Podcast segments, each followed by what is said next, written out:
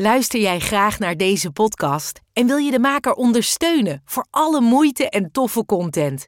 Geef dan, als je wat kan missen, een digitale fooi. Dat doe je via d.com zonder abonnement of het achterlaten van privégegevens. Dus d.com.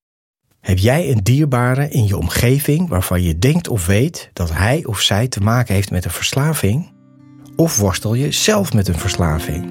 Dan ben je hier op de juiste plek. Mijn naam is René van Kolm en na 30 jaar verslaving ben ik clean en in herstel vanaf 2010 en werk ik sinds 2015 als familiecounselor. Dit houdt in dat ik de mensen in de directe omgeving van iemand met een verslaving help. Want als je dicht bij iemand staat die verslaafd is, is het echt belangrijk dat je weet wat je wel en beter niet kan doen. In deze podcast, in samenwerking met Lev Magazine, neem ik je mee in de wereld van verslaving en de verslaafde. En leer ik je met mijn kennis en ervaring hoe jij hiermee om kan gaan, wat herstel is en wat je kan doen om jouw dierbaren te helpen en zelf overeind te blijven.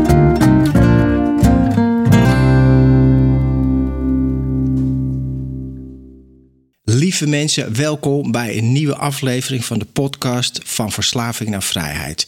Mijn naam is René van Kolm en vandaag is mijn gast Ferry King Hubbard. Hubbard, zeg ik het zo goed? Ja. ja. Wij kennen elkaar al super lang. Ja, man, uh, iets langer dan 30 jaar. Zo. 30 jaar, ja. ja. Dat is echt een hele tijd. In de tijd dat wij, wij elkaar kenden, had ik nog heel lang haar. Ja, uh, echt tot over mijn schouders. Ja. Ik was een rocker, je kan het je niet voorstellen, met uh, cowboylaarzen, zwarte leren jas aan. Yes. En ik speelde in een band die heette de Devil's Jam. Ja, dat, was, ja, dat was een van mijn uh, ja, wildste rockavonturen. Het was seks, drugs en rock'n'roll. Nou, en daar ken ik jou ook van, want we kwamen bij jou langs. was altijd super gezellig in de reguliere dwarsstraat in Amsterdam. Nou ja, jouw tattoo palace is echt een begrip al heel lang. Maar ja, dat was niet het enige. Gebruiken, blowen, alles was eigenlijk normaal in die tijd. Ja, eigenlijk nog steeds uh, in de tattoo-wereld. Hè? Nog steeds, ja. ja. absoluut. Ja. Is dat iets wat hand in hand gaat bij het tatoeëren? Uh, nou, de meeste tatoeëerders die ik ken, die houden wel van een drankje. Uh, de meeste houden ook wel van, van het witte poeder. En niet allemaal blowen ze, maar ik ken ook een heleboel die, die blowen. En ja, op zich uh, hand in hand, dat weet ik niet. Een hele nieuwe ge generatie heb je ook van tatoeëerders die dan, uh, die dan misschien niet echt gebruiken. Maar over het algemeen de oude tatoeëerders Ja. allemaal rock'n'roll. Dat is altijd, was, was een drank wel. iets Ja. Maar dat komt natuurlijk ook een beetje vandaan. Hè? Ik bedoel, tatoeëren is rock'n'roll. Het is, het is stoer, het is spannend, dus dat hoort, uh, hoort erbij. Nou heb je natuurlijk heel veel mensen in je shop gehad. Uh, je hele leven is op een bepaalde manier gegaan. En als we nou even teruggaan naar het begin. Hè? Want je raakt op een gegeven moment ook verslaafd. Je bent nu in herstel, wat ik super mooi vind en heel knap. Het is toch altijd knap als iemand echt die omslag kan maken. Ja. Maar hoe is het bij jou zeg maar, begonnen? Wat voor gezin kom jij? Um, ik kom uit uh, wel een normaal gezin. Alleen mijn vader was gewoon een alcoholist, weet je. Uh, mijn moeder dronk niet. Uh, mijn vader die was een tv-monteur en die werkte verschrikkelijk veel, ook s'avonds. Die had ook veel eh, reparaties in de kroeg of vanuit de kroeg. Ja. En het was de 70 jaar, weet je. En eh, ook wij mochten als kinderen, mochten wij ook wel eh, op zondag of zaterdag mee. Je, dan mocht ik flipperen en... En dan, dan, dan, dan kreeg ik een chocomelletje. En Ja. ja. ik was al heel jong toen ik daar kwam. Ik had al heel snel een klik daar, weet je. Uh, ik had altijd... Je bedoelt in de kroeg? Ja, in de kroeg, ja. Ja, ja. Ik botste heel erg met mijn vader. Maar in de kroeg was hij gewoon anders. Het was voor mij op zich een veilige plek met hem. Weet je, iedereen die had lol en iedereen was aan het zingen... en sterke verhalen, moppen tappen, weet je. En ik vond het gewoon... De, ik, ik herinner me nog wel dat ik met vijf, zes jaar in de kroeg kwam... En uh, dat ik gewoon echt een klik had. Ik moest hem af en toe moest ik hem. Uh, dus zei mijn moeder: ga, me, ga je vader halen, want we moeten eten. En dan kwam ik daar. Ja. En dan mocht ik even flipperen. En dan, weet je, en dan, dan bleven we samenhangen. Gewoon. Ja, wat was dan de klik met, met de gezelligheid van de kroeg? Wat was het dan? Ja, dat was altijd. Weet je, mijn vader was ook altijd vrolijk daar. Thuis was er altijd ruzie, omdat mijn moeder dronk niet. En die, uh, die fitte dan op mijn vader. En, weet je, en. Ja, in de kroeg was het gewoon gezellig. Ik, ik, ik mocht doen wat ik wilde. Weet je, ik kreeg, eh, ik kreeg eh, een guldetje voor te flipperen. En hij leerde me biljarten. Weet je, dat, was dat was echt een connectie. Een van de, ja, heel weinig connectie had ik met hem. En daar had ik gewoon een connectie. Maar ook de geur, alles trok me al aan. Ik ben al vanaf. En dan dronk ik stiekem de, de, de restjes uit de glazen daar als men niet opletten. Weet je, het was echt. mij is het er al heel vroeg ingekomen. Dat, maar was je wel heel jong? Want je, hoe oud was je toen? Um, een jaar of vier, vijf, zes. Dat is wel heel jong, Ferry. Nou, de eerste keer dat uh, mijn vader had ooit eens een ijskoud biertje op tafel laten staan. Toen was ik drie. En uh, hij was naar achter gegaan naar de serum te repareren. En ik had dat biertje in één keer opgedronken. Ik weet er niks meer van, maar ik ben in het ziekenhuis beland tien dagen. Met leverfalen en nierfalen. En uh, dat weet ik nog wel. Weet je, maar kun je nagaan. Toen was het al, ja. toen was het al aan de gang. En ja, stiekem. De, ik, ook in de rest van mijn familie hoor. Uh, weet je, die uh, waren allemaal mensen met wijnkelders. En, weet je, en het was heel normaal smiddags een aperitiefje en een fles wijn bij het eten. En, ja. ja, wij uh, verstopten ons in huis, gingen we stopje spelen en zo. En dan dronken we. Ja, ik dronk stiekem uit die flessen wijn. En dan vulde ik ze zelfs op met water. En Weet je, ah, maar dat is echt, ik heb wel heel veel. jong al, hè? Dat is wel echt heel jong. Ik heb veel mensen gehoord, maar drie jaar en vijf en zes jaar. Nou ja, de drie, dat is gewoon. Dat was, uh, ja. Hè, maar met zes jaar, ja, zat ik uh, ook bij mijn, school, bij mijn familie thuis. En, ja. Ja, daar uh, dronk ik ook stiekem. Er stonden altijd karaffen met grote manden, met flessen erin, met, met cognac en dat soort dingen. Hey, dat zat ik ook stiekem uit te ja. snoepen. Toen was ik echt jong. Maar goed, alcohol was dus iets gewoons bij jullie thuis. Ja. En je zegt voor de rest dat ik, want dat herken ik ook wel, dat mijn vader was op zijn werk altijd leuk. En ik ging en mijn vader was, had zo'n televisieprogramma vroeger ja. met films en sterren. Ja, ja, weet dit. Nou, als ik met hem meeging, was dat ook heel gezellig. Weet je, maar op de set van een James Bond film, dat soort dingen. Maar thuis had ik helemaal geen verbinding. Dat hoor ik je ook vertellen. En was het dan, je zegt hij maakte ruzie met je moeder, dat lijkt mij een verhaal wel. Ja, mijn moeder was altijd boos dat hij natuurlijk met een slokje op thuis kwam, ja. weet je. En uh, het, het, grappige is, ik dacht altijd, ik word nooit zoals mijn vader, maar jongen, het is... hey, en toch verhaal. echt, hè. Ja. En het is gewoon precies hetzelfde geworden, ja. weet je. Maar ja, er was veel ruzie thuis, het was geen veilige omgeving. Okay. Weet je, en uh, de DNA uh, heb ik al een klein beetje mee, dat de verslaving. En dan heb je sociale problemen, ja. psychische problemen. Nou, dat was de ruzie thuis. Ja. Op school had ik ook altijd problemen in de 70 jaren. Weet je, als je verkeerde, verkeerde kleding aan had, dan kreeg je bakslagen. Als je, als je grote oren had, kreeg je bakslagen. Als je verkeerde schoenen had, dan kreeg je bakslagen. Op als je anders je? was, ja, op school. Ja. Dus ik heb heel wat pakken slagen uit de school. maar dat was ook geen veilige situatie. Dus ik ben al eigenlijk vanaf mijn vierde ben ik al aan het overleven en aan het, uh, ja, aan het vechten. En dat was echt een moeilijke tijd. En dat zijn allemaal procentjes meer hè, uh, wat je verslaving in, uh, in gang zet. Ik ja. merkte ook als ik de dropjespot leeg, uh, leeg had. Ja.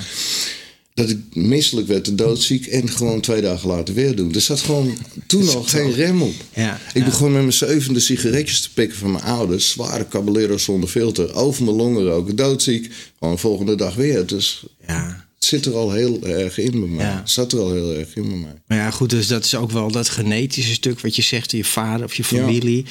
En je omgeving was niet fijn. En dan, nee. hè, dan heb je inderdaad al die, die verschillende gebieden, factoren, wat je heel vatbaar maakt voor de rest van nog veel meer problemen. Maar goed, en toen groeide die op, schooltijd, puberteit, hoe ging dat? Ja, dan ga je de verkeerde beslissingen maken, weet je. Uh, op een gegeven moment zocht ik natuurlijk ook uh, vrienden. En uh, dat waren meestal oudere jongens. En ik pikte van de markt. En ik kwam, met mijn dertiende kwam ik met een auto op school bijvoorbeeld, weet je. Het vonden ze allemaal geweldig. En ik had zoiets van, hé, hey, dit gaf me aanzien, ja. weet je. En ik ging Ja. allemaal van dat soort dingen doen. En om mijn twaalfde begon ik te blowen. Ja. Hè? En er was een groep jongens eh, op school en die, die bloden allemaal. En daar hoorde ik bij. Weet je, Ja. de verkeerde keuzes. Ja, op dat moment was het, het, het was wat het was, weet je. En eh, ja, dat blowen, dat, ik, ik weet dat bij elke druk die ik nam, elke druk of elke alcohol, had ik zoiets van.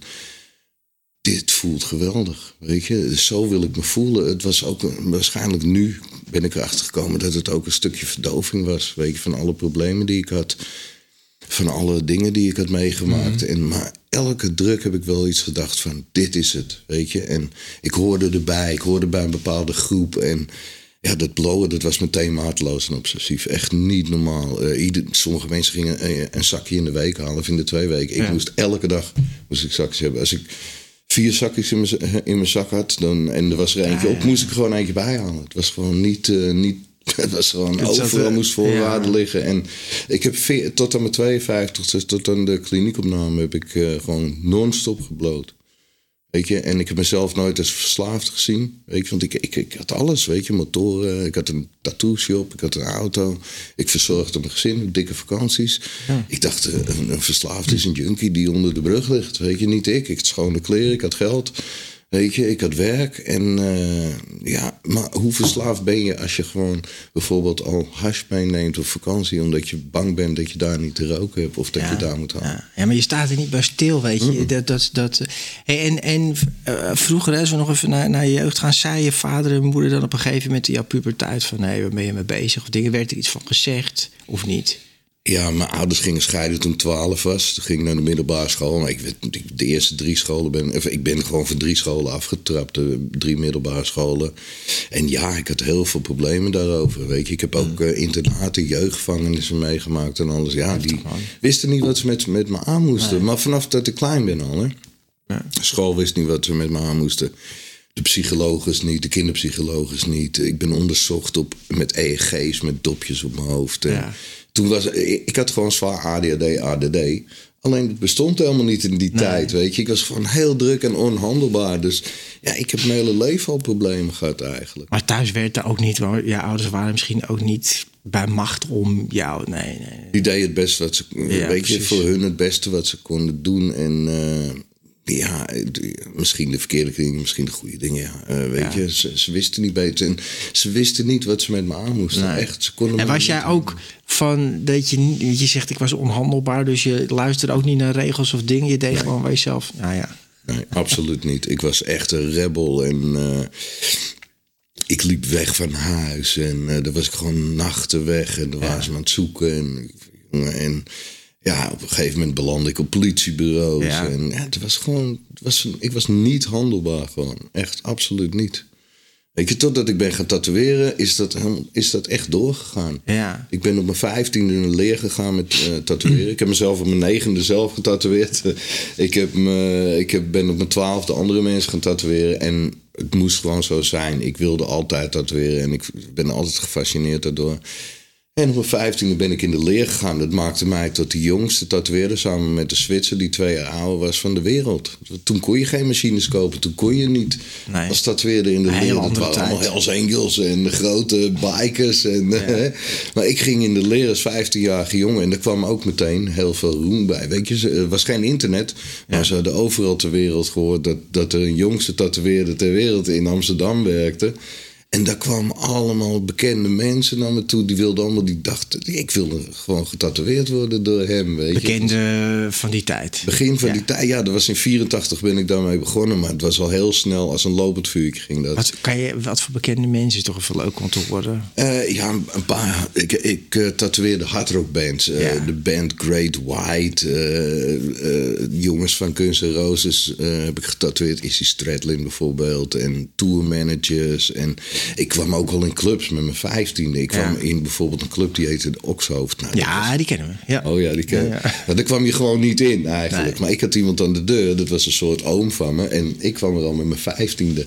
En dan al die grote, hele grote criminele, grote namen. eh, die, eh, die, vond, die zeiden altijd, hey, Boefie, eh, weet je, die vonden mij heel gewoon wel. Ja, tattoos tuurlijk. en Leuk. mannetje, weet je. En dan bestelden ze gewoon barco's voor me en alles. Die kreeg ik zelf niet aan de bar. Maar dat, dat- weet je, kun je nagaan, Zo 15 gaat jaar. dat. Ja. Weet je, en ja, maar ook bekende mensen. ja, een heleboel bekende mensen getatoeëerd eigenlijk. Eh, maar de laatste twee jaar van mijn gebruik zelfs met Kiefer Sutherland eh, heb ik nog gitaar zitten spelen boven in de shop en alles, weet je. Ja, te gek. En die jongen, die, Ja. die jongen met de kruisboog, eh Daryl van, eh, van hoe heet het, The Walking Dead. Ja. Hij had ook de, de Boondock Saints gemaakt, die was bij mij in de Ja, ja, die, van die serie in die film. Ja, die, ja, Ja, ja, zoveel bekende mensen. Maar dan wilden ze ook naar jou toe, Amsterdam, tatoeëren. Ja, ja. Ja. Het klinkt natuurlijk super vet.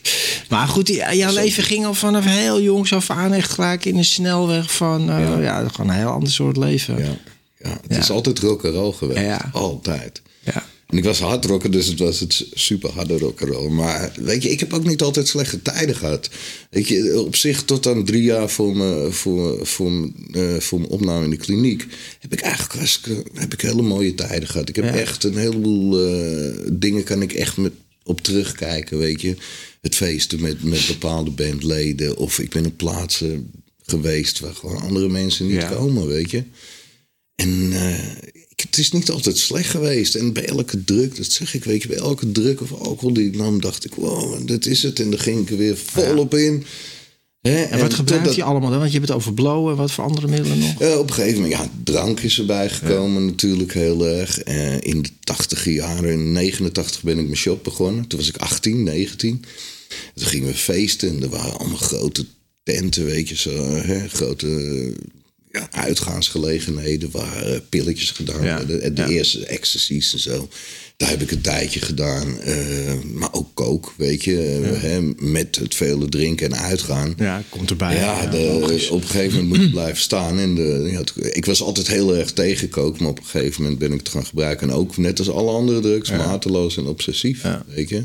Gelijk vol gas. Gelijk vol gas en de, ja, het kon niet op ook allemaal. Ik heb nooit hoeven bedelen of hoeven stelen daarvoor. Je dus, verdient natuurlijk ook goed je geld. ja, ik werkte ook heel veel. Ik werkte bijna zes, zeven dagen in de week. En deed conventies en alles. Ja. En weet je, ik, werd- ik was bekend. En En had je, want je hebt een vrouw, je hebt zelfs twee kinderen nu. Ja. Maar hoe lang ken je vrouw al? 25 jaar gewoon Ja, dat is op tijd. En, en toen ze jou je leerde kennen, had ze toen niet zoiets van, nou ja, ze wilde gozer dit. Ja, maar aan de andere kant, wij hebben ook heel veel gefeest samen. Weet je, we hebben conventies gedaan, we Ja. hebben hele leuke vakanties gehad. En ja, er was inderdaad eh, was er veel gebruik. En zelfs dat we echt tot 's ochtends, weet je, ik hoefde pas om één uur te beginnen. En Ja. dan gingen we tot zes, zeven uur door. En dan zat zij gewoon eigenlijk een beetje eh, heel erg duizelig op de werk. Maar ja, het begon wel wat problemen te geven. Ja, wat dan? 22, 23 jaar geleden werd ze zwanger van de eerste kind. Onze eerste zoon. En ehm, ja, toen probeerde ik, denk ik ben vader, weet je. Nu Ja. ben ik vader. Ik Moet even anders. Het moet rustig gaan. Weet je, en dan gedroeg ik me echt een paar weken, soms maanden. En dan dacht ik, eh, dan kreeg ik een beloningssysteem in me. Van, ja, nu eh, heb ik het wel verdiend om, om, eh, om een middagje of een avondje te drinken. En dat ging helemaal fout natuurlijk. Dat, dat werden dagen of weken. En toen ontstonden er al de eerste problemen. En toen merkte ik ook dat ik gewoon niet rustig aan kon doen. Weet je, ja, een paar weken. Weet je, ik had zoiets van: hey, het is drie, vier weken, vijf weken goed gegaan, dus ik kan het. Weet je, maar ja, dan ging het weer helemaal mis. precies, en, dan, ja. ja. en op een gegeven moment kwam er wel een. eh, ja, waren er wel wat eh, probleempjes thuis en ruzies. Ja. En toen ben ik op een gegeven moment. Weet je, herhaling van de geschiedenis ook, wat je net vertelt van je eigen gezin natuurlijk. Ja. Precies, maar het zijn eigenlijk het zijn allemaal herhalingen vanuit, vanuit mijn jeugd. Ja. Het is gewoon een patroon wat mijn hele leven door is gegaan, weet je. En ehm, ja, op een gegeven moment ben ik eh, vijf jaar gestopt met alcohol. En ik dacht dat ik clean was, weet je. Ja. Eh, maar toen ging ik het nog verder zoeken in, eh in Andere middelen. blowen en medicijn ook. Weet je, ik kreeg alles voor elkaar bij doktoren en psychiaters. Dus ik zat Ja, helemaal in wat, de verhaal, wat voor eh, verhaal ging je naar binnen? Ja, ik had altijd last van mijn rug. Ik heb altijd last van mijn rug gehad. Nou, maar ze schreven me ook heel makkelijk voor. Hè? Ah, neem een diazepam. Weet je, ah, eh, heb je nog meer pijn? Neem maar twee. Weet je, en dan kon je niet slapen, word je onrustig. Neem ook een spam. Neem maar dit. Allemaal benzodine. Ja. allemaal verslaafd. Dat is gek. Ja. Maar daar ben ik het heel erg in gezoek. En ik zag laatst die post van jou met die game PC. Precies hetzelfde. Ik had zoveel herkenning. Ik denk, toen dacht ik, weet je, ik moet toch iets anders doen. Als, de, hè, als ik thuis kom, moet ik wel wat om handen hebben. Ik ben een game PC gegaan kopen. En zat gewoon 14 uur in een of andere virtuele wereld, weet je. Ah, ja. Maar ook zonder dat je het echt door hebt. Ik hè? wist het helemaal niet. Nee, je, niet. we doen maar wat. Weet je. vervangen, weet je. Ja. Het ene vervangen door de andere. En ik had geen idee dat dat het was. Nee. Maar ook eh, eh, ja, veel blowen. Veel meer blowen dan dat ik deed. En ik deed het al heel veel. Ja. En eh, ja, ik zocht het ook in andere dingen, weet je. Ik ging echt vervangen. En dan heb je in het programma leren van de eerste niet oppakken. Of één is te veel, duizend is nooit genoeg. Op een romantisch weekend in Rome. ik, ik begon wel een depressie te ontwikkelen in die vijf jaar. ja. En ben, ben ik voor in behandeling gegaan. Die ging maar niet weg. En ik dacht, hoe kan dat nou, weet je? Toen waren we in Rome in een romantisch weekendje. En toen eh, zaten we ergens eh, bij de Colosseum. Heel romantisch 's avonds. En ik zeg, ja, we hebben een wijntje genomen daar. Mijn vrouwtje die zei, ja, nou, je kan best wel een wijntje nemen. Vijf jaar Ja. niet gedronken. Weet je. Ja. Zij wist ook niet van hè, eh, Hoe het werkt. de ziekte Ja. verslaving, want het is echt een hersenziekte. Hè, ehm, we hebben de eerste, eerste wijntje genomen. Mijn verslaving in mijn hoofd, die hing de slingers uit, letterlijk. De tafels werden gedekt, het feest was aan, weet je. En toen hebben we het maar bij één wijn gelaten. Maar toen we terugkwamen, toen waren Ja. het eerst glazen. Toen werden het flessen, toen werden het dozen. En toen dacht ik, ja, wijn is helemaal niet lekker. Toen ben ik gewoon weer naar mijn oudere middel teruggegaan. En vanaf die tijd is het gewoon bergafwaarts gegaan. Ja. Moet- En- ja. En je kreeg een depressie. En hoe merk je dat dan overdag? Dat je slecht voelde of down was? Of hoe? Ik kreeg echt een zware depressie. En dat was in de tijd dat ik niet dronk. Maar ik blode wel heel erg. Maar ik had die psychiaters echt in mijn zak. Weet je, ik manipuleren kon ik. En eh, dat gewoon de psychologen en psychiaters zeiden van... Nou, als jij een blootje rookt is niet zo heel erg. Want ik had allemaal redenen. Ik vertelde mezelf, ik geloofde het zelf ook... Ja, van eh, je, je hebt het nodig voor inspiratie. En dit heb je nodig om rustig te blijven. En als je dit rookt, dan rook je geen sigaretten. Weet je, anders zit je aan 40 sigaretten per dag. En nu rook je maar 15, 20 jointjes. weet je, alles rationaliseren. Maar de- dus de hulpverleners die gingen eigenlijk met jou mee daarin. ja, ik, eh, ik had ze echt in mijn zak zitten op dat moment, weet je. En ik, ja, en, Bekend verhaal. maar eh, toen ik in de kliniek kwam, toen had ik eigenlijk een voorbehoud van... hé, hey, eh, ik stop met alcohol en medicijnen, zware medicijnen. Was dat de laatste kliniek waar je het nu over hebt? De eerste kliniek Oh, eerste en kliniek. meteen de laatste Ja. was eh, in Want hoe ben je. Maar als we even, eh, Ja. even een stapje terug gaan. Ja. Hoe ben je nou. Want ja, het was gewoon je levensstijl. Je verdiende geld. Alles ging. Nou ja, dat ging af en toe natuurlijk niet goed. Maar waarom. Waar is het punt gekomen dat je echt zegt van ja, maar wacht even. Nou moet het echt helemaal anders. De laatste drie jaar wilde ik niet meer. Ik kon niet meer, ik kon niet stoppen. Ik merkte dat ik niet kon stoppen. De laatste twee jaar was het ergste. En eh, ik, eh, ik dacht de wereld en mijn gezin is beter af zonder mij. Veel ruzies en ik kon niet meer gewoon. Weet je, ik was helemaal op spiritueel, was ik op geestelijk, was ik op lichamelijk zelfs ook. En ze hebben me allemaal gezegd: ja, je moet hulp zoeken, je moet dit, je moet Ja. dat. Doe het voor je vrouw, doe het voor je kinderen. Ja. Ik kon het niet eens voor mezelf, man. Ik kon niet meer stoppen. Elke ochtend werd ik wakker en ik dacht: vandaag niet. Vandaag niet. En dan voelde ik me slecht. Schuld en schaamte werd ik wakker van wat is er allemaal gebeurd en waarom. eh? Wow, waarom ben ik wakker geworden? Weet je? En ik wilde echt niet meer. En op een gegeven moment toen kwam ik. De ene verslaafd kan het beste ander begrijpen en helpen. Hè? Ja. Dat, waar doktoren en psychiaters niet kunnen helpen. Er kwam iemand in de shop waarvan ik dacht dat was een junkie. Weet je, ik zag mezelf niet als verslaafde, maar hem, hij was echt letterlijk in mijn ogen een verslaafde. En hij was clean. En ik kon het niet geloven, jongen. Ik, ik vertrouwde het ook niet, weet je. Ik denk, kan dat, jongen? Hij was aangekomen en had heldere blik. En Ja. hij was, hij was echt positief en hij was vol van het leven. En ik dacht, fuck man, dat wil ik ook. Ik wil wat hij heeft. En Ja. hij vertelde me over de twaalf stappen en alles. En ik dacht, waar hebt hij het over? Ja. Ik zat volop in gebruik. En ik, eh, ja, en meetings. En ik dacht, fuck meetings, man. Eh, hey, ik ben ver, ik ben verslaafd. En iedereen, oh. ik denk, nou, dat gaat me niet helpen, weet je. Ik eh, ben al eerder gestopt, vijf jaar. Dat moet ik Ja. zelf kunnen. Maar ik zag aan hem dat het werkte. Hij vertelde me ook niet van, je moet dit, je moet dat, weet je. Hij zegt, dit heeft mij geholpen. En Ja. hij was gewoon een voorbeeld van Mooi. dat het kon. En ik ben eh, die twaalf stappen gaan googelen en toen kwam ik eh, bij de kliniek uit. En ik was doodsbang om dat te doen, weet je. Maar ik denk, ik moet dat Maar doen. toen De- moest je natuurlijk voor het eerst van je leven misschien ook echt praten over jezelf of zo. En je ik gevoelens. moest eh, en bij mijn gevoelens en wat, wat denk jij, zonder gebruik. Ja. Hoi, ik Hoe was moest dat? in één keer zonder gebruik en ook zonder blowen. En Ja. ik, ik had voorbehoud met blowen. Ik, ik zou, als ik de kliniek uit kwam, zou ik nog steeds gaan, gaan blowen en zo. Ja. Het was heel eng. Ik stond ten eerste de beslissing om die kliniek te en te mailen. Dat was al heel eng. Eh intakegesprek was al heel eng. En toen ik daar voor de deur stond met mijn koffertje, waar- ik was doodsbang. Echt, ik denk, die sluit hem op. Ja. Ik, ik heb al eerder in jeugdgevangenis gezeten en alles. Ik, ik denk, die sluit hem op en die Maar- laten me nooit meer gaan. Maar dat is het ook, weet je, wat jij zegt. Want ben je een grote, stoere kerel. Ja. Maar uiteindelijk, weet je, als het puntje bij paaltje komt... zijn we gewoon bange jongetjes. Tuurlijk, die, want dan moet je over je gevoel... en dan in de groepen mensen die je niet kent... en dan word je eventjes eh, doorgelicht, ja. Ja. Ja, we hebben het altijd verdoofd, die angst. Want eigenlijk komen alle onze karaktergebreken en tekortkomingen en wat dan ook. Dat komt allemaal uit angst. Bij mij wel in ieder Ja. geval. Weet je, er komt heel veel uit angst. Verlatingsangst, eh, angst om door het leven te moeten zonder, zonder te Ja, verdoven, zonder te gebruiken. Dus man, en, en de kliniek in. Ik dacht, ja, afkicken en dat zit. En toen kwam ik in de kliniek en er was gedragsverandering, Ja. cognitieve gedragsverandering. En, en wow, ik moest om half zeven op. Dat was veertig jaar niet gebeurd. En half acht ontbijten en groepsessies en... En daar ben ik Maarten Dammers ook tegengekomen. Oh ja, weet je. Dat was, die kon ik helemaal niet. Maar Nee. die, die was de eerste. Na twee dagen kwam hij naar me toe. Hij zegt... Ik zie dat je het moeilijk hebt. Hij zegt, maar geef het tijd, het komt goed. En ik dacht, wie is die hippie, jongen? En toen pakte hij me bij mijn hoofd. Toen gaf hij een kus op mijn hoofd. Ik dacht, wat is dit hier? Dat was mijn tweede dag. Ik liep helemaal over van de emoties. en Ja. alles. Ik merkte wel na een week al, acht dagen. Ja. Ik denk, hé, hey, mijn depressie is weg. Negen jaar behandeld door echt de beste psychologen en psychiaters. Mm. En daar kwam ik achter mijn depressie weg. En toen is een kwartje gevallen van...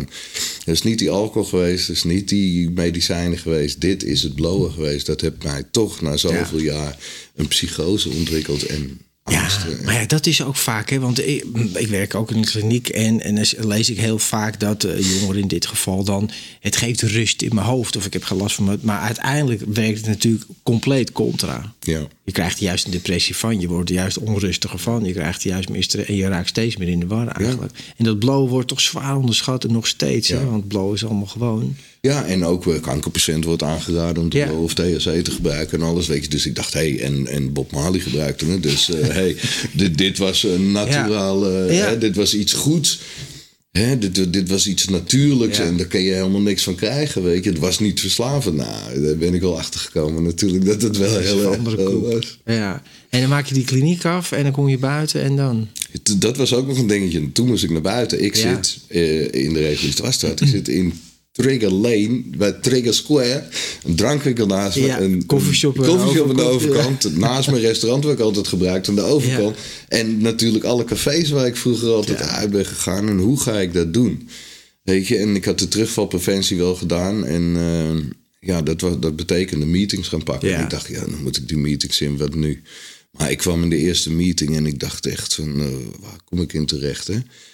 Ah, jongen, ieder, de- er zit van alles daar. De Ja, bankdirecteur, de bankmedewerker en Ja. de bankrover. Maar iedereen is gewoon zo lief tegen elkaar.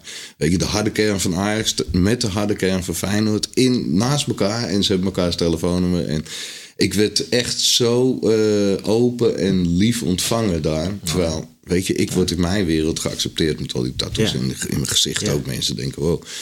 In de sociale wereld denken ze echt, what the fuck, weet je. Maar Ja. daar werd ik gewoon zo warm ontvangen. En ik heb de eerste drie, vier maanden heb ik elke dag meetings gepakt. Twee keer per dag zelfs soms. Weet je, ik denk, anders val ik terug. Ik ben na een week in die, stappen, in die twaalf stappen gaan werken. Ik denk, Ja. anders val ik terug. Ik heb een zootje literatuur gelezen. Ik moet ook weer obsessief in mijn herstel gaan natuurlijk. Ja. Hoe obsessief ik in de drank en in de drugs ging en En alles. zo is het wel. Ja. En tatoeëren moest ik dat ook gewoon heel erg obsessief doen. En ik ben blij om, want dat heeft me hele grote, eh, weet je, het, het, het herstel heeft me gegeven wat alcohol en drugs mij beloofd hebben en nooit nagekomen zijn. Ja, mooi. Weet je, en Ja. ja. ja, op een gegeven moment die stappen geschreven. En ik heb de eerste negen maanden heb ik meetings gedaan. Eh, na, na vier maanden ben ik vier keer in de week meetings gaan doen. Service gaan doen, want zonder service, weet je, bestaan die meetings niet, Ja. weet je. Dus dat is heel belangrijk. En op een gegeven moment, eh, ja, ik had in de kliniek al zoiets van... eh, ik wil een counseloropleiding doen, ik wil ook mensen helpen. Ik heb veel levenservaring en er zijn veel, ik, ik merkte dat het veel jongeren waren... Ja. die echt aan de problemen waren. En wij begonnen met een blootje en een drankje. Die beginnen aan drugs, designerdrugs. Weet je, GHB, 3MMC. Nooit van gehoord voordat ik de klinieken. Ballonnetjes. Ja. Ik denk ballonnetjes niet Ja, en, en het Wow. neemt enorm toe. hè. Het wordt alleen maar meer en meer Ja. en meer. Maar ja, het is ook niet zo gek, weet je. Eh, als jij bijvoorbeeld, wij noemen het. Hè. Bij ons zie ik het eh, als ik bij jongen naar school ben. Ouders die gewoon die kinderen al vanaf vier maanden wegbrengen of eerder. Na de dagopvang. Weet je, en dat vijf dagen in de week. Van half zeven 's ochtends tot half zeven 's avonds. Kinderen worden opgevoed door iemand van de dagopvang. En op zaterdag brengen ze die kinderen ook weg. Want papa en mama willen ook wel een dagje voor hunzelf. Ja. Ik denk bij mezelf, wauw, dus dan heb je alleen zondag voor je kind. Die kinderen die groeien in iets op. Geen liefde is. Ja, de liefde van de dagopvang. Mhm. Die, zijn zo, die zijn blijer om mensen van de dagopvang te zien. als dat ze hun eigen ouders zien. Weet je. En in deze harde wereld van presteren en je moet en je moet Ja. en gaan en dit moet je, hè, en, en internet die je afbrandt als een je gek. je toch gek Weet je, als je niet populair ja. bent, als Ja. je een meisje bent en je, je bent niet sexy genoeg, nou, dan heb je al een minderwaardigheidscomplex. En ik zie heel veel jongeren die, eh, die gewoon al niet meer willen. Die gewoon echt 20, de- eh, 22 jaar zijn, die gewoon al niet meer het leven aan kunnen en die gewoon ermee willen stoppen. Ja, ik weet het, Ferry. Ik werk in een, eh, in een jongerenkliniek hè, met Mhm. gedragsproblemen, verslaving en heel veel van dit soort dingen. Depressiviteit, suicidaliteit. Het is gewoon een heel ingewikkelde wereld. Ja, en dan drugs is een snelle oplossing. En vooral die drugs die hun nemen, dat Ja. is gewoon in één keer verslaafd. Weet je? En, en dat kost allemaal niks, die design. Nee, een paar eurotjes, Een paar eurotjes. Eh, Je kan het via Snapchat bestellen of iets anders. En, je, en het wordt in je brievenbus gegooid. Het is echt te gek voor woorden. En, maar ik wist dat niet, dat die jongeren al zo heftig en zo ver waren. Dat, ik wilde dat ook gaan doen. Ik wilde mensen gaan helpen. En eh, ik merkte in de kliniek al dat die jongeren, die jonger waren als ik. En ik, ja, ik ben bijna 54 die namen wel dingen van me aan. En eh, ik zat er goed in ook in die kliniek. Ik ging heel fanatiek ging ik erin. En eh, ik merkte dat ze wel... eh, Ja, maar jij ze- hebt toch- je bent een hartstikke mooi voorbeeld, man. Je bent een, stoere kerel, maar je Mm. hebt echt, echt wat meegemaakt. Weet je, je je been around the block, dus je weet Ja, echt zeker. hoe het is. Ja. Dus jij kan een hele grote waarde zijn voor jongeren en voor andere mensen. Ja. En dan ben je van tattoo artist, een rock'n'roll levensstijl. Word je nou counselor en zit je in zo'n groep. Wat een, wat een ongelooflijk... Ja, eh, ja, ik ben een opleiding counselor gaan doen. En Ja. ook dat weer mateloos en obsessief. Weet je, ik moest dat echt helemaal onder de knie hebben. Alles wat ze daar leerden, moest ik gewoon alles weten. En, maar ik ben heel blij dat ik het heb gedaan. Want het heeft mij heel veel geleerd. Het was mijn eerste diploma in, in- eigenlijk in mijn leven. Weet je, mijn eerste echte Ja. HBO-diploma. Ik heb nog nooit een diploma gehad. Weet je, Nee. ik ben met 15 van school Ja. afgegaan. Ja. Toen werd ik al, eh, mocht ik, hoefde ik niet meer naar school. Ik werd ontzet uit de leerplicht. Ja. Dus, eh, ja, ik heb ook, ik heb, eh, ook echt gepresteerd om. Ik heb geen eens een zwemdiploma. Ja, en ik heb. Ik, oh ja, verder dan ik. En je hebt een counseloropleiding. Ja. Ik heb wel heel veel ervaring natuurlijk door het werk wat ik doe. Maar eh, ja, het is wel super mooi, man. En je hebt nu nog steeds wel de, de tattoo palace natuurlijk, Ja. waar je gewoon je werk Ja. doet. En hoe kijkt je vrouw en je kinderen nu naar jou? Het is heel erg. We, mijn kinderen die, eh, die zijn zo blij. Die kleine jongen die komt altijd. Die, die oudste die heeft natuurlijk een beetje rust. Van hé, hey, wow man. Weet je, die hoeft zich niet meer zorgen te maken. Want ik denk dat hij zich heel erg zorgen heeft gemaakt eh, om zijn vader. Ja. Hij zal me ook echt wel af op sommige pu- eh, punten hebben gehad. Weet je. Eh, die jongste die, is, die gaat mee soms vrijdags naar een meeting. En je, dan komt hij uit school en zegt: Papa, het is vrijdag, hè, we gaan wel naar een meeting. hè." Weet je, hij, wil, hij wil graag mee. Maar Ja. die de hele dag, weet je, dan zitten we in de auto terug van die meeting. Zegt ik ben, papa was een goede meeting. hè." Hij is negen. hè. maar dat is toch en eh, weet je, ik ben zo ja. trots op je. Die hele dag knuffelen. En dan Oh, pakt hij me vast. Papa, ik, je bent de allerbeste papa van de hele wereld. Dat doet me zo goed. Mijn vrouw moet heel erg wennen. Nog steeds, na 22 maanden moet ze nog steeds wennen aan de andere levensstijl. Die had het niet verwacht, weet Nee. je. Die had wel verwacht dat ik het zou gaan doen. Maar, en ik bijt me vast in alles. Maar niet in de hoeveelheid eh, eh, Nee. hoe, ik, hoe ik dit heb Maar je gedaan. bent gewoon een heel andere man natuurlijk geworden. Ja. Ze zeiden in een kliniek, Mm. je moet één ding veranderen en dat is alles. En ik dacht, fuck dat. Ik heb mijn hele leven gesleuteld aan mezelf hoe, hè, om te zijn wie ik ben. Ja. Weet je, dat ga ik niet doen. En op een gegeven moment in die stappen ben ik gewoon echt alles gaan veranderen. Maar letterlijk anders. Mijn huis, mijn gedrag. Eh, ik, ik ben, eh, weet je, eh, in het programma gaat het om een hogere macht. Ja, ik, Ja. ik heb daarna gezocht. Je kan, ik, wie ben ik om dat te vinden? Weet je, mensen hebben er duizenden jaren naar gezocht. En wie ben ik om dat te vinden? Maar ik zit heel veel in het boeddhisme. Weet je, ik doe heel veel meditaties. En waar blowen, waar ik dacht dat blowen me altijd rustig maakte. Meditaties Precies. doen het voor mij. Ja, ik ga niet de deur uit, 's ochtends, Ja. voordat ik een vijf of tien minuten begeleidende meditatie heb gedaan. En s'avonds trek ik me terug in mijn tuinhuis, mijn man cave. Waar mijn drumstel staat en mijn schilderijen hangen. En eh, weet je, mijn Boeddha-beeld. En dan ga ik lekker zitten en dan neem ik een, een meditatie van een half uur tot een uur. Met een En dat thee. Is wat me, kopje thee erbij. kopje thee erbij. Ja. En dat is wat me echt heel erg dat- rustig maakt. Nou ja, maar dat is het precies. Ik doe, doe het ook elke dag hoor. Ja. En dat, dat meditatie in dat moment, ja, dat klinkt weer heel als, klinkt als, een, als een- zo'n spreuk op zo'n theezakje, moment met jezelf. Maar dat is wat dus echt rust geeft. En ook blijvend en ook op de langere duur doorwerkt. Hè. In Maar het begin wel dacht, mooi, werd ik heel erg afgeleid door mijn gedachten. Dus ik, had een, ik had me eh, in de kliniek zeiden ze, je moet ochtends eh, bij je bed. Zegt als je opstaat moet je je, je hulp vragen. En s'avonds je dank bereden. Ja. En ik, ik zeg, ja, nou wie of wat? Hij zegt, daar kom je vanzelf achter. En toen, ik zeg, hoe lang? Hij zegt, "Dat- hij zegt totdat het werkt.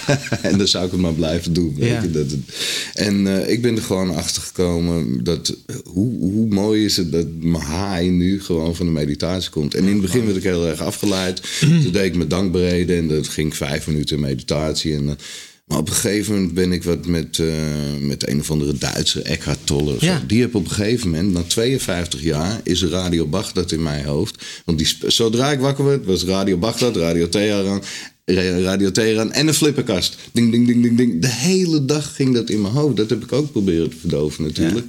Op een gegeven moment, eerst een paar seconden, toen een paar minuutjes. En op een gegeven moment werd het halve uren. En nu zit ik gewoon s'avonds meditatie te doen. Ben ik gewoon een uur, anderhalf. En dan komt er bijna geen gedachte meer boven. Oh, waanzinnig man.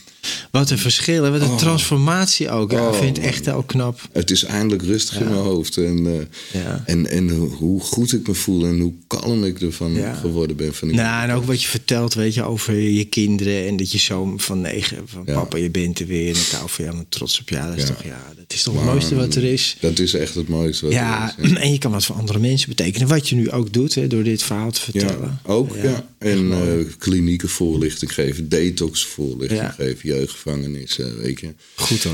Nou, daar ben je een uitgelezen persoon voor. Want mensen kijken toch tegen je op. Je hebt veel meegemaakt, weet je wel. En, eh, en wat ik wel knap vind, want dat herken ik ook wel. Je zit toch nog steeds midden in Amsterdam met de koffieshop links en de drankhandel en alles. Ja. Hè, en dat, ja, dat je toch ook dat je dat voor elkaar krijgt. Ja, het programma heeft me beloofd. En toen dacht ik eerst, nou, dat zal wel. Van, op een gegeven moment ben je verlangen naar gebruik kwijt. Ja. En eh, ik ben na drie maanden naar de kliniek, eh, ben ik naar Gersonisos geweest, naar Kreta. Ik denk, hé, ik kan mezelf gaan verstoppen, Ja. weet je, maar dat heeft geen zin. Dat is Nee. geen vrijheid, dat is gevangen.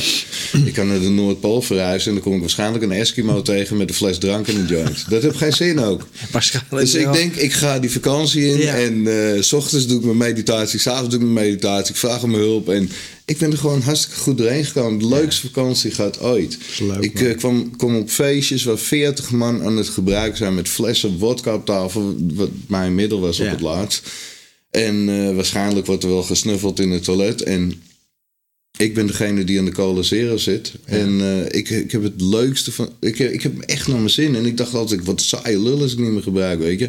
Gitaar spelen, eh, karaoke, weet je. En ik rijd naar huis en dan zie ik die borden. Ik ben, ben je de Bob? En dan denk Ja. ik, ik ben de Bob voor altijd. En nu kan mijn vrouwtje lekker een drankje nemen en Ja. zo, weet je. We waren laatst in Mexico in zo'n hotel, vijf sterren, all-in hotel. Ik had zo'n bandje om, ik kon doen wat ik wil. En Ja. toch, ik heb geen moment gehad, eerlijk gezegd, dat ik naar iets zou willen grijpen of wat Ja, dan ook. dat is Het verlangen is weg Ja. om te gebruiken. Ik moet wel heel scherp zijn voor mijn gedrag. Weet Ja. je? Geen ding in het donkerhoekje laten zitten. Want dat is gevaarlijk bij mij. Dan gaat het broeien. En dan Ja. op een gegeven moment komt er gewoon gedrag uit. Ja. En interne en externe triggers. Of, eh, externe triggers worden interne triggers. En als je dat laat zitten, dan heb je waarschijnlijk dat je op een gegeven moment zucht krijgt. Dus verlangen naar. Maar zo begint het En altijd. Het begint ergens met gedrag of met Ja. gevoelens. Je voelt je niet lekker, of je bent geïrriteerd, gespannen. Weet je, of dingetjes gaan broeden. Ja, dat is het. Ja. Daar moet je heel scherp voor blijven. En daarom doe ik, ik doe nog steeds na 22 maanden, ik doe nog één of twee meetings in de week. Als ik er meer nodig heb, dan doe ik er meer.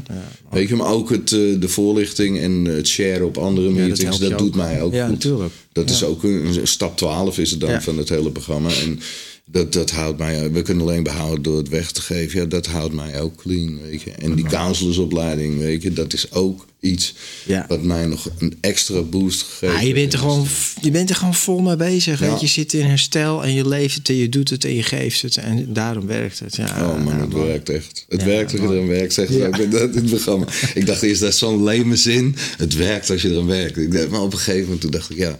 Weet je, Het is wel logisch, Het is echt serieus waar. Het werkt als je er aan Ja, werkt. maar de transformatie die jij gewoon beschrijft van, van het, waar je vandaan komt, is echt heftig. Jij vertelt het een beetje zo, eh, hè, maar zo gezin en, en al alcohol en dan je vader en dit en dan zo jong al. En je had al tien keer dood kunnen zijn natuurlijk. Hè? Dus Ja.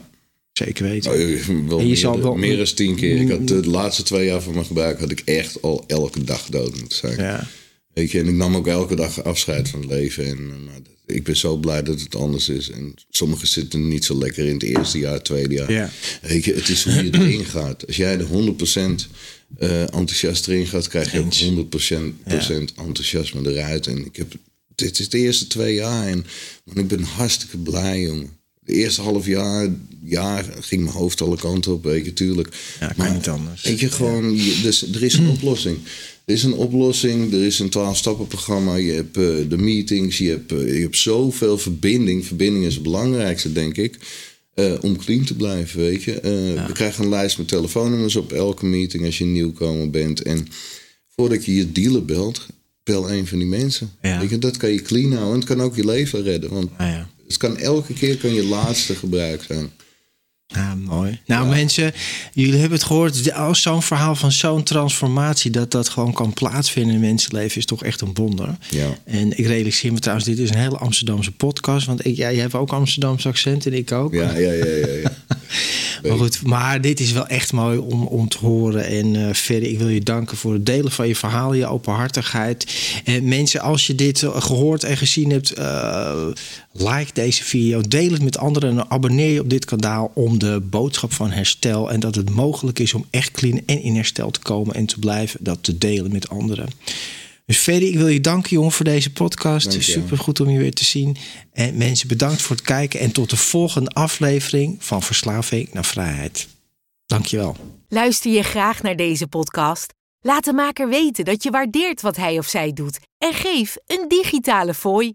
Dat kan zonder abonnement, snel en simpel via fooiepot.com. Fooiepot met een d.com